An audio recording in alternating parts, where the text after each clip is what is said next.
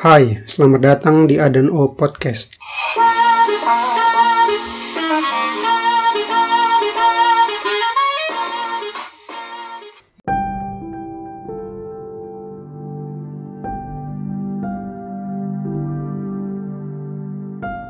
Setelah bertambah usia, semakin tua, walaupun belum dewasa-dewasa juga, saya mulai merasa hari kasih sayang itu kok ya akhirnya terasa begitu-begitu saja. Tak ada gregetnya sama sekali. Mungkin suasananya yang sudah jauh berbeda. Belum lagi kalau memikirkan soal pandemi. Orang harus menjaga jarak, sementara di hari semacam itu, kalau bisa tidak berjarak. Sedekat mungkin jauh lebih baik. Begitu, bukan? Besok, tanggal 14 Februari, adalah hari kasih sayang.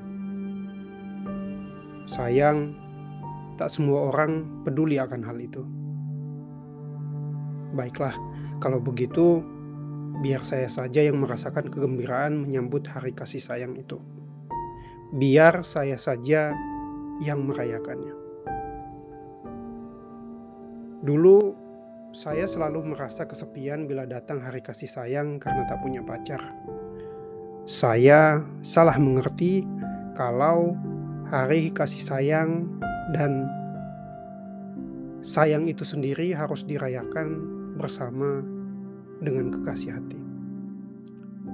Karena itu, bertahun-tahun saya merasa frustasi karena salah mengerti.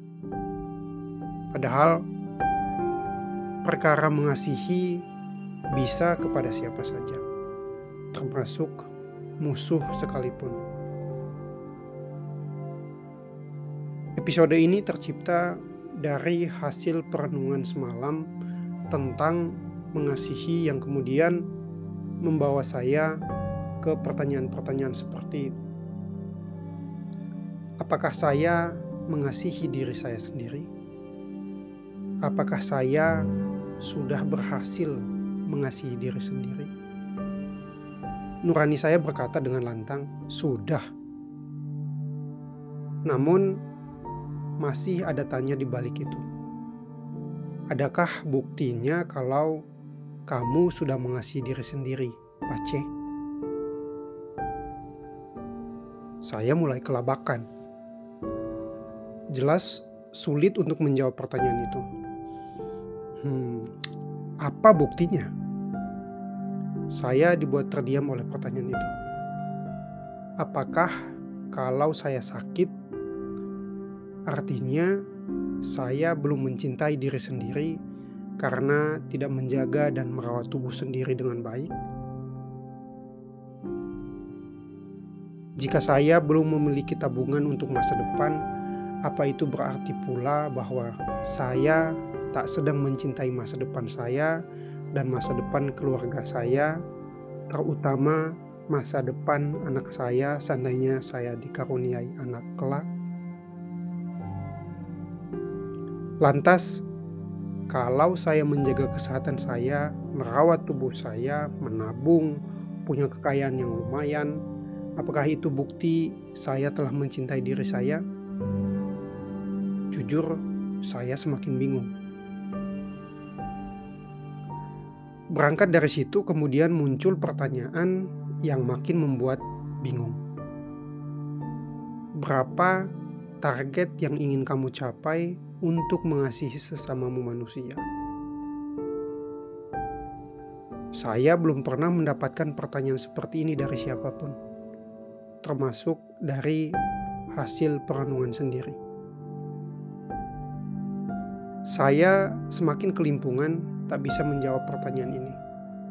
Saya bahkan tak tahu bagaimana menentukan targetnya dan cara menghitung target yang harus dicapai teknik, dan cara apa yang harus digunakan untuk mencapai target itu. Selanjutnya, apabila target sudah tercapai, bahkan katakanlah berhasil melampaui target itu sendiri?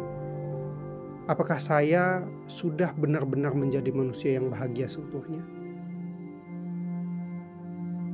Nah, bagaimana jika target tersebut tidak tercapai?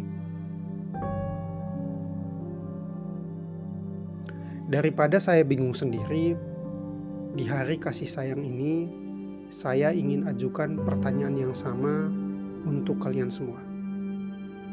Kita mulai. Pertama, berapa target kalian dalam tahun ini untuk mengasihi manusia? Apakah target kalian itu ada dalam rencana kalian tahun ini?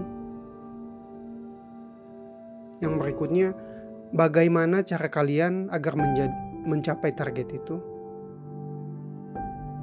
Selanjutnya, apa indikator penentuan pencapaiannya? Dan yang terakhir, siapa yang menjadi target kalian?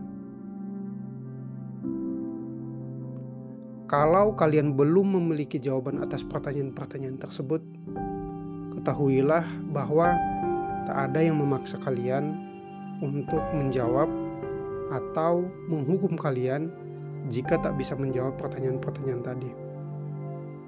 Karena sejatinya bukanlah aib jika kalian belum memikirkan sesama, apalagi berencana untuk mengasihi sesama. Terima kasih telah menyimak episode ke-37 A dan U Podcast ini hingga selesai. Jika kalian memiliki pertanyaan seputar A dan U Podcast atau ingin memberikan saran maupun kritik untuk perkembangan siniar ini, silakan hubungi kami di adano@pacesepricesakan.com atau dengan mengunjungi website www.pacesepricesakan.com.